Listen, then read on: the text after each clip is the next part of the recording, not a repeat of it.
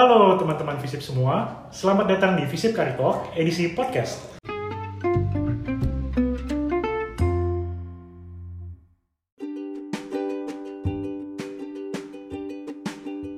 Jadi untuk pertama kalinya di tahun ini, Visip Karitok atau yang biasa disingkat FCT juga akan hadir di Spotify dalam bentuk podcast. Perkenalkan, gue Rafka yang akan membawa lu semua untuk menggali lebih dekat karir dari narasumber perdana kita di Visip Karitok edisi podcast. Nah, sebelumnya gue mau memperkenalkan nih sapaan baru untuk para penonton setia FCT, yaitu Sobat Ngenakin. Kenapa ngenakin? Karena kali ini kita akan ngobrol edukatif bersama narasumber kekinian. Nah, tanpa kebanyakan basa-basi, langsung kita sapa aja narasumber kece yang bakal menemani gue di podcast FCT Perdana kali ini, yaitu Narendra Majaya atau yang biasa kita sapa Kak Naren. thank you, thank you. Keren juga introduction-nya. Halo Kak Naren, apa kabar Kak? baik, baik, baik. Oke, nah ini perkenalan dikit dulu kali ya. Hmm, ya boleh, boleh. Jadi Kak Naren ini merupakan alumni FISIP UI angkatan 2017 loh. Lebih tepatnya Kak Naren merupakan lulusan dari jurusan Ilmu Komunikasi KKI. Wih, hebat banget Kak. Oke, jadi berarti selama 4 semester Kak Naren menempuh pendidikan di FISIP Universitas Indonesia. Iya. Dan di sisa semester setelahnya Kak Naren melanjutkan kuliah di University of Queensland di Australia. Ya, Betul kan. Kak ya? Ya. Oke nih, pertanyaan pertama nih Kak. Hmm. Bukan pertanyaan sih, eh, Iya. cerita sih. Boleh dong Kak diceritain pengalaman belajar Kak Naren sama berkuliah di FISIP Ah, UI? iya. Jadi gue keterima di UI itu melalui talent scouting yang di jurusan KKI. Gue ambil komunikasi. Sebenarnya sih gue dulu tuh nggak pernah mikir sih kayak ambil komunikasi karena tuh nggak pernah di diangkat lah di dulu di sekolah gue karena belajar komunikasi gitu nggak untuk mungkin untuk cowok tuh nggak selalu di endorse gitu. Bener Kak? Iya, Bener karena gue seingetnya mayor- mayoritas di FISIP tuh eh, untuk wanita kan. Untuk- Betul. Iya benar gitu. Jadi pas gue masuk ke FISIP emang kadang-kadang guru gue, teman-teman gue tuh nggak nyangka kalau gue bakal di sini gitu. Terus pas gue masuk ke FISIP belajar komunikasi ternyata pembelajarannya tuh sangat apa ya, nyantai terus lingkungannya enak-enak gitu terus pembahasannya tuh kayak selalu apa ya terkini gitu Mm-mm. kayak dosen-dosen memberikan example-example atau case study yang sangat uh, sangat di masa ini gitu. Terus menurut gue sih karena gue emang background gue mungkin nggak terlalu bagus dengan matematika atau gue tel- tidak terlalu suka dan pas gue masuk di FISIP tuh kayak belajarnya seru gitu. Kayak gue belajar komunikasi gue belajar uh, periklanan kayak semua hal-hal yang seru tuh belajar gitu. Sampai temen-temen gue bingung kayak sebenarnya lu kuliah nggak ngitung kayak gimana sih? gitu. Kan nggak semua ngalamin kuliah nggak ngitung gitu. Ah, bener banget. gitu. Terus gue di FISIP sih kalau di luar kelas sih menurut gue sih FISIP tuh salah satu tempat yang rasa keluarganya tuh kerasa gitu. Misal gue ke takor atau kan lu kan bukan takor gitu. Bener, misal gue nongkrong nongkrong di takor gue bisa dapat teman banyak karena gue di FISIP tuh selalu ikut kayak event-event eh, ya kayak olahraga gitu karena gue tuh background olahraga banget jadi kayak di FISIP sering banget event olahraga jadi gue sering banget ikut-ikutin jadi semua jadi hobi gue gue bisa ketemu banyak teman gitu gitu sih kalau pengalaman gue di FISIP Wah seru banget sih Kak. Jujur gue juga relate banget sih karena aduh matematika gue jelek banget sih SMA. santai lah Berarti Kak Naren tuh aktif ya pas Olimpis gitu ya? Jadi uh, ya jadi kalau misalnya dari gue sendiri sih uh, gue su- suka banget tuh menggunakan hobi gue sebagai kayak gateway untuk ketemu orang-orang. Karena pas pertama kali gue masuk ke FISIP tuh gue bener-bener gak kenal satu orang pun gitu. Karena gue dulu datang dari sekolah yang gak, gak- yang sangat kecil gitu cuma seangkatan cuma 30 orang. Habis itu gue pindah ke FISIP seangkatan bisa ratusan orang gitu. Benar benar. Terus kayak gue tuh lebih menggunakan hobi-hobi gue yang gitu bisa di olahraga untuk bisa berkenal dengan banyak orang gitu. Jadi pas gue di FISIP gue ikut tim bola, gue ikut tim basket, gue ikut tim atletik, gue ikut tim renang. Gue ikutin aja kayak even though gue mungkin not the best, tapi gue ikutin aja karena biar ujung-ujungnya gue pengen tuh kenal orang Kenal gitu. orang, bener, nyari Terus thankfully gara-gara gue ikut semuanya itu sampai sekarang gue masih mempunyai hubungan yang sangat ketat sih sama teman-teman yang gue kenal di olahraga gitu. Uh, Nah, itu kan uh, pengalaman Kak Naren gitu ya Iya. di lingkungan FISIP UI. Nah, ini nih kan Kak Naren anak KKI, KKI ya? Iya, iya, iya. Uh, Jadi Kak Naren merasakan juga kuliah di kuliah overseas gitu Iya. istilahnya. Apa sih yang unik dari ilmu komunikasi di Universitas Indonesia dan di University of Queensland? Oh jadi eh, kan gue di FISIP tuh gue ambil eh, jurusan periklanan di eh, KKI kan. Hmm. Jadi kalau di Indonesia uh, UI itu uh, kita dosen-dosen tuh lebih uh, nga- ngajarin tentang gimana sih praktekan ilmu-ilmu uh, periklanan di kelas. Menurut gue sih di UI sih uh, matangnya di situ sih. Jadi kayak mereka sangat uh, membantu uh, kita persiapkan diri kita untuk karir misalnya dikerja di bidang yang periklanan. Karena gue dari periklanan gue bisa bilang gitu. Mungkin kalau misalnya teman gue yang dari uh, PR itu apa hubungan Uh, oh, humas hubungan Oh, masyarakat. eh, hubungan masyarakat mereka lebih uh, mahir di bidang situ sih.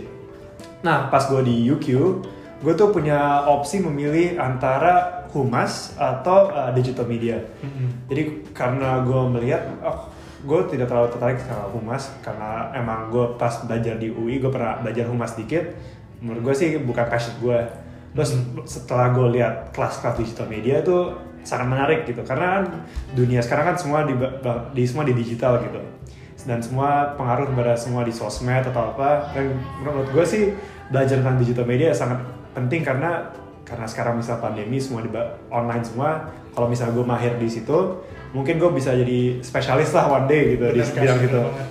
terus pas gue di UQ tuh uh, ambil kelas-kelas uh, seru-seru sih. Tapi kalau di UQ tuh lebih ke uh, pengetahuan bukan praktek sih lebih pengetahuannya sih. Jadi Ah. misalnya gue belajar tentang uh, digital data misalnya tentang uh, digital analytics atau digital algorithm. So dari semua tuh gue diajarin ilmu-ilmunya tuh yang bikin siapa terus teori-teori apa gitu. Karena yang digital media itu sama sekali belum pernah dibahas di UI jadi gue dapat di UI gue dapat uh, periklanan di UQ gue dapat sense dari digital medianya gitu yang gak ada di Indonesia ya di Iya. di UI gitu Iya itu. Jadi menurut gue sih one of the best things sih gue bisa belajar tentang itu sampai sekarang sih sangat dipraktekkan gitu. Karena gue uh, lebih ngerti pada algorithm sama misalnya uh, advertising di digital. Karena kan kalau di UI lebih kayak cara membuat creative ads itself kayak misalnya desainnya gimana atau penulisan gimana. Kalau misalnya di UQ gue belajar gimana dari sisi teknologinya gimana kita bisa uh, mengeluarkan kepada publik gitu. Oke, jadi Gitu sih. beda beda beda ya guys ya. Iya. Beda UQ jelas beda. Iya. Heeh. Nah, ada nggak sih pengaruh yang Kak Naren rasakan dari menempuh pendidikan di Australia terhadap kehidupan Kak Naren? Oh iya, jadi uh, mungkin gue pas di UI gue anaknya agak uh, gue bukan anak kos gitu, uh, kupu-kupu gitu, nggak, gitu lah. Jadi kayak gue nggak ngekos itu, jadi kayak gue belum pernah ting- tinggal hidup sendirian kan. Betul. Jadi pas gue uh, pergi ke ke luar negeri pertama kali dalam hidup gue, gue tinggal sendirian gitu. Jadi gue banyak melakukan hal yang gue belum pernah lakukan sendirian, terus sekarang malah gue lakukan gitu. Kalau di sisi situ sih mem- membuat gue lebih mandiri gitu, lebih kayak mungkin kalau kita semua kan mungkin punya pembantu, kita bisa Hmm. respect mungkin kerja-kerja keras mereka. Betul. Gue pernah ngalamin misal lipat-lipatin baju, laundry laundry sendiri, beres-beresin semua makanan gitu-gitu.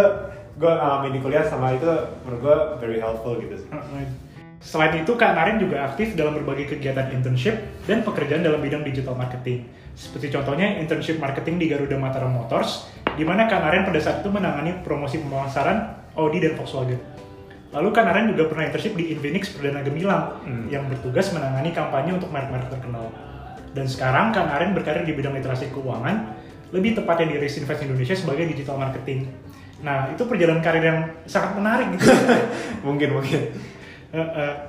Nah, jadi eh, sebelum sebelumnya nih, kak, gue mau nanya, pernah kepikiran gak untuk memulai karir di Australia gitu kan? Sebenarnya sih dari pas gue pertama kuliah sana kan sebelum pandemi gue pengen banget kan mikirin uh, siapa tahu gue bisa terusin di sini.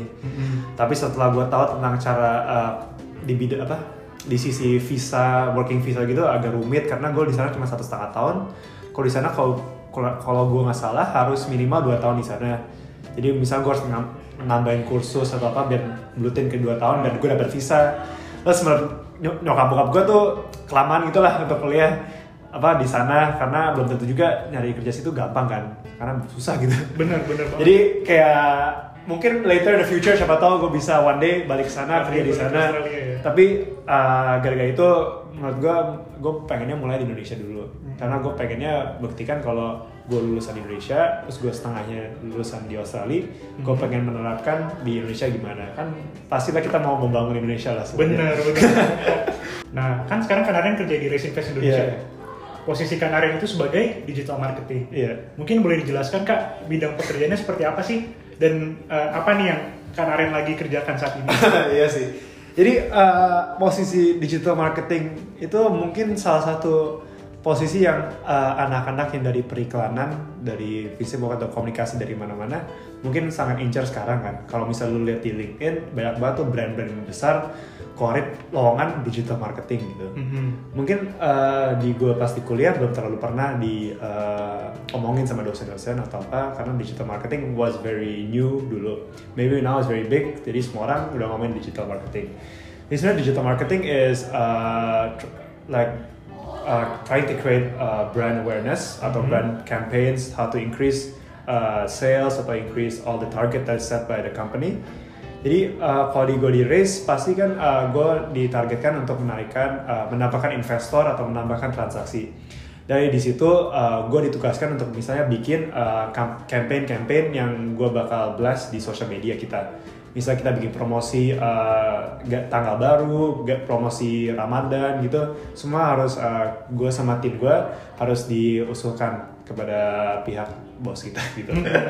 Jadi Uh, di digital marketing gue gue banyak uh, nalangin uh, data-data uh, apa nanganin data-data sih digital data jadi uh, gue di sini gue diajarin sama rekan-rekan gue cara menarik data seluruh investor-investor di Indonesia yang menggunakan race dan dari situ gue bisa mengambilkan berapa data misalnya umur mereka berapa rata-rata umur berapa rata-rata domisili mereka di mana rata-rata gaji mereka berapa rata-rata lokasi mereka di mana rata-rata semua kayak uh, mungkin karakteristik invest- investasi mereka berapa kali Hmm. mereka investasi sebulan berapa uh, jumlah total mereka investasi dan dari situ dari data-data yang gue bisa kumpulkan gue sama tim gue tuh uh, bisa mengusulkan campaign atau promotion yang bisa targetkan investor baru atau naikkan transaksi gitu Eh, eh, jadi eh, ini marketing itu penting banget ya untuk menemukan target pasar. Iya, bener ya? gitu, gitu. Iya. jadi eh, mengolah datanya untuk mencari eh, kalangannya mana sih yang Pas. harus dipromosikan gitu ya. Iya. Eh, eh. Nah, oke kak, ini kan Kanaren ngomong kan awalnya kan pasti ada kendala ya di Hmm, iya, iya. literasi keuangannya. Nah, jadi kendala apa aja sih yang Kanaren alami pas awal-awal masuk di RIS? nah jadi pas gue masuk kan pas gue dibilang ini perusahaan reksadana Mm-mm. gue di gue ditakut-takutin sama kakak gue Hah, apa lu nggak ngerti reksadana ntar gimana ntar di review kalau nggak ngerti-ngerti gitu. Terus gue sebelum gue ke sini gue research lah itu reksadana apa sih gue nggak ngerti-ngerti kan terus kayak pas gue nyampe ya udah interview habis itu habis itu kalala uh, int- uh, apa menjelaskan aplikasi kita apa gitu ya it took me like a few week, uh, two, uh, few weeks lah to apa Mhm. to get used to it mulai belajar lah apa sih race tuh gimana cara kerjanya race apa itu investasi apa itu reksadana gimana cara menarik apa mem- mempromosikan reksadana kepada orang gitu. Itu sih challenge gue sih mungkin dari awal sih uh, just trying to fit in with the financial world. Karena gue dari uh, dunia komunikasi gue pindah ke dunia finansial. Which is uh, mungkin gue gue jarang dengar uh, example itu dari misal dari kuliah gue atau di kuliah gue di UK atau di UI jarang gitu gue dengar cerita anak-anak komunikasi kerja di bidang finansial gitu. Mhm. yang bu- mungkin bukan bank ya mungkin kayak startup finansial kayak gini. Bener ya? gitu sih. Jadi uh, emang gue tuh orangnya emang uh, I can say uh, I, I easily fit in with the environment. Mhm. jadi pas gue nyampe sini gue dapat uh, deket sama rekan-rekan kerja gue jadi gue bisa dapat belajar dari semua bidang di kantor ini. Jadi dari situ gue dapat banyak ilmu. Jadi ya sekarang lumayan lah. Jadi gue pengetahuan gue lebih banyak daripada kemarin yang pas gue pertama masuk masih uh, kayak bayi gitu nggak tahu apa-apa Bener. kayak gitu sih ini tapi ngomongin race invest gitu kan, Hmm. Eh, habis itu kan Aren masuk awalnya nggak tahu apa-apa, Iya. terus eh, pick up thingsnya cepet gitu ya istilahnya ya Iya. belajarnya. Nah ini jadi kayak apa sih race invest itu sebenarnya apa sih kak? Jadi eh, apa apa sih Race Invest gitu? Pasti banyak orang nanya. Mungkin setelah podcast ini apa sih Race Invest sama YouTube tadi apa sih Race Invest? Heeh. Nah, Race Invest adalah aplikasi finansial yang bisa membantu bisa anak-anak muda atau mil- dan milenial untuk meng- menggunakan untuk mengatur finansial mereka dengan berinvestasi atau menabung di reksadana. Jadi kita emang sistemnya very simple. Uh, lo di kita tuh minimum cuma sepuluh ribu rupiah lo bisa menabung dan berinvestasi gitu. Mhm. Sangat mudah sih. Jadi targetnya emang investor-investor pemula kayak gue gitu. Targetnya emang gue tuh mungkin salah satu target race gitu Hmm. dari orang yang nggak pernah tahu tentang finansial tiba-tiba gue biasakan diri investasi atau menabung di race habis itu gue baca-baca uh, finance blog yang mereka sangat saling kirim ke gue setiap hari setiap minggu dari situ gue belajar tuh gue baca-baca lama-lama gue bisa ngerti tuh tentang finansial Hmm. habis itu gak gitu gue rutin berinvestasi dan rutin bernabung gitu jadi targetnya race tuh emang itu sih jadi dari investor pemula kita edukasiin jadi ngertiin finansial lama-lama kita bisa rutin menabung dan agar bisa mencapai tujuan finansial kita sih Mm-mm. Nah jadi target invest berarti gue sama lu ya kak ya? Iya kayak kita, targetnya kita orang yang nggak ngerti finansi apa investasi di masuk ke kita, kita kasih edukasi gimana sih finan, gimana sih investasi demi masa depan. Habis itu kalau misalnya kalian ngerti apa dapat edukasinya, nah dari situ kita bisa mulai tuh menabung sedikit demi sedikit gitu. Sepuluh ribu sehari dia bisa lama-lama kerasa kok. Bener. Jadi pas gue pertama kali masuk race, gue iseng ah, gue bikin rutin setiap hari gue pengen invest lah atau setiap minggu. Gue tuh gue iseng itu gue taruh reminder di alarm gue invest dua puluh ribu sehari gitu. Uh-uh. Lama-lama ya terbentuk juga sih eh, portofolio gue jadi mungkin jadi gede gitu gara-gara gue setiap hari rajin berinvestasi itu sih. Kayak pepatah ya kak ya, sedikit demi sedikit Iya. jadi bukit. Iya gitu dong. Nah, kebetulan nih eh, Departemen Pengembangan Karir kerjasama nih sama Risk Invest, Eh, di mana kalau kalian nge-scan barcode di Instagram BEM Visip UI atau bisa juga klik link bit.ly yang akan ada di, di description podcast ini, eh, kalian bisa nih investasi minimal 50.000 dan kalian akan mendapatkan 20.000 secara gratis. Nah gratis tuh. Wah, ekstra cuan guys, lumayan Iya. banget kan? Iya, jadi kita emang partnership kita emang uh, ingin anak-anak uh, mahasiswa untuk mulai berinvestasi gitu. Bener. Karena mungkin uh, mahasiswa kan pasti kan udah mulai mengatur uh, finansial mereka sendiri. Mungkin ada yang merantau, ada yang mungkin ngekos sendiri. Mm-mm. Mungkin uh, kalau misalnya kalian tahu gimana caranya mengatur finansial kalian untuk menabung untuk masa depan, dengan Race kita bisa sangat membantu dan mungkin gara-gara kalian bisa investasi di Race sangat rajin kan kita ada sistem referral kalau lo ngajak teman lo dapat bonus juga gitu Mm-mm. jadi sekalian nambah connection nambah investasi lo bisa dapat cuan terus gitu Bener bener banget.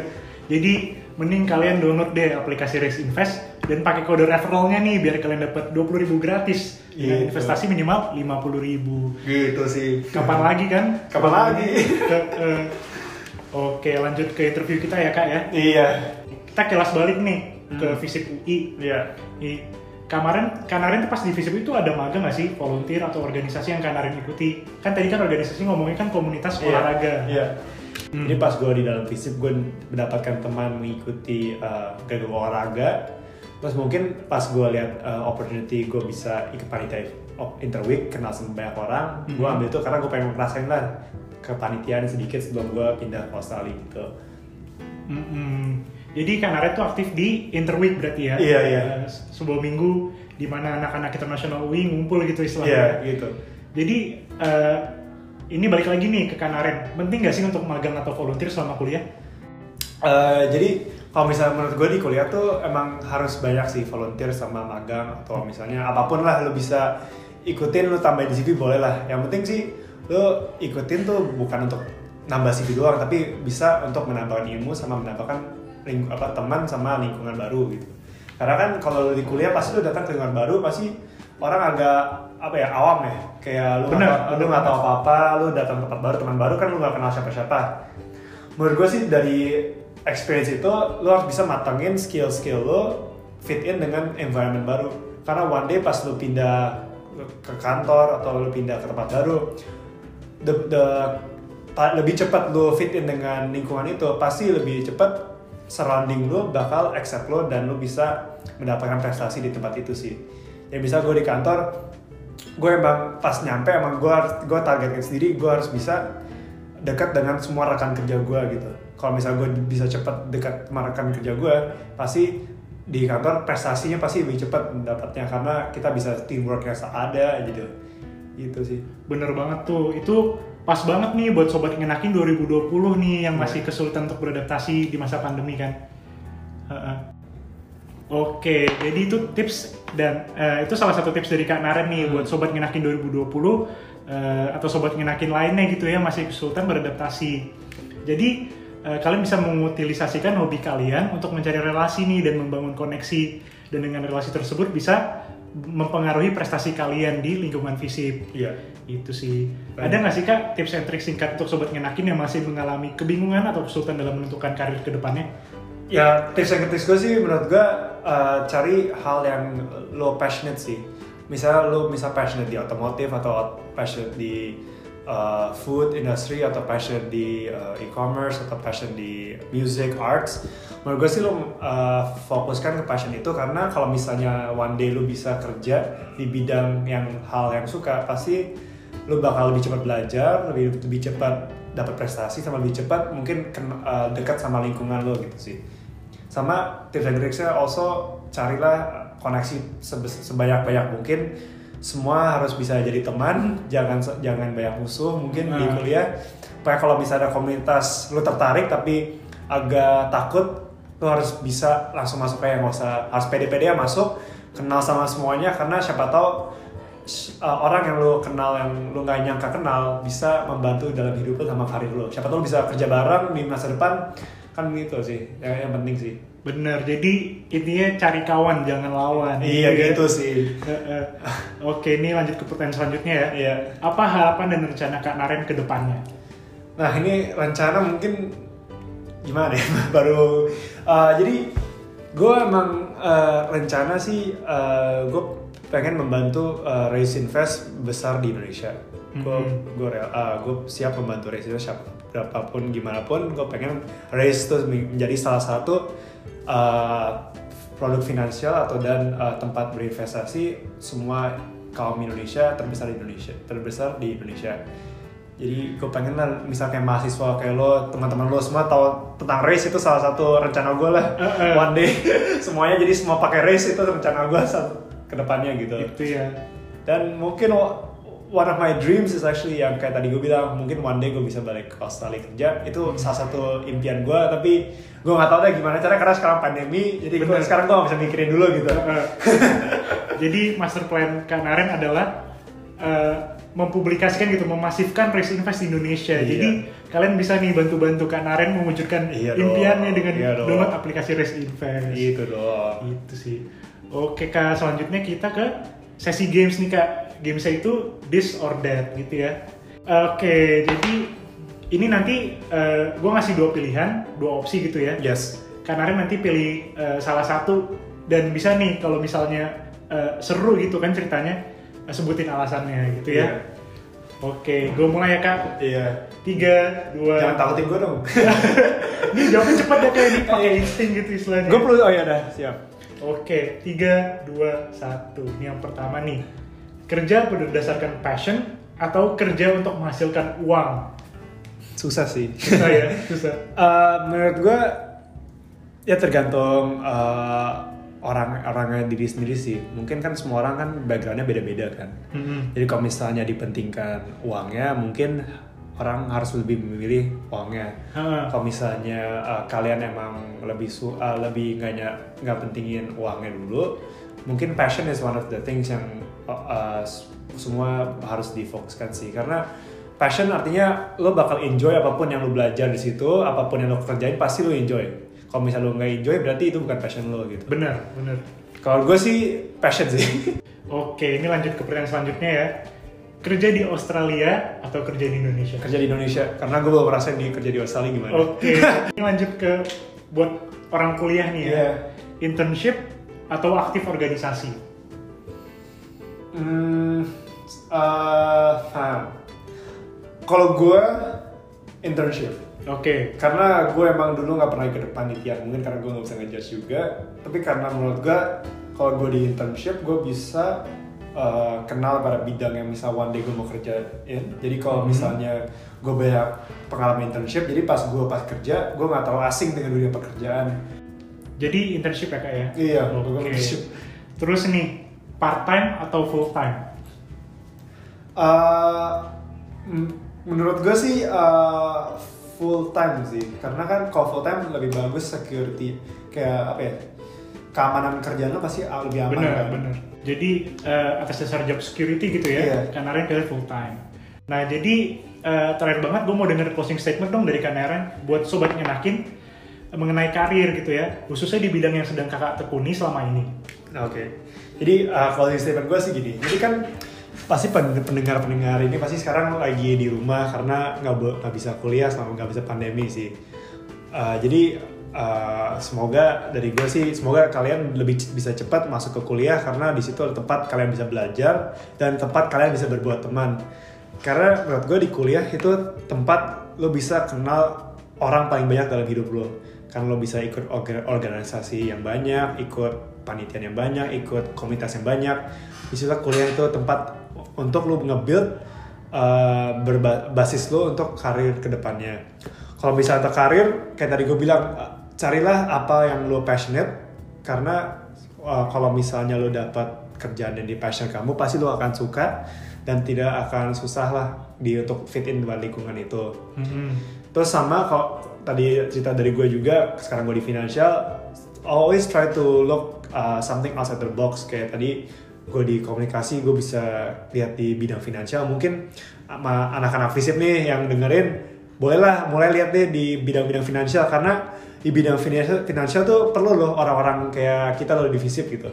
Karena everything kan semua uh, digital and everything, jadi semua bisa mereka perlu anak-anak visip untuk promo, bisa promosi campaign, promosi bikin uh, periklanan atau bikin uh, bikin banyak hal lah yang anak-anak visip jago lah kayak lo lah gitu lah anak-anak visip kan pas ilmunya banyak jadi ilmu ilmu anak-anak visip pasti dipakai di semua bidang sih Bener, bener banget. Soalnya kan fisip ilmu sosial gitu ya kak ya. iya Jadi pasti ilmu sosial tuh berhubungan dengan manusia gitu Iya. kan. Jadi kayak pasti bisa diterapin lah ilmunya. iya Oke kak.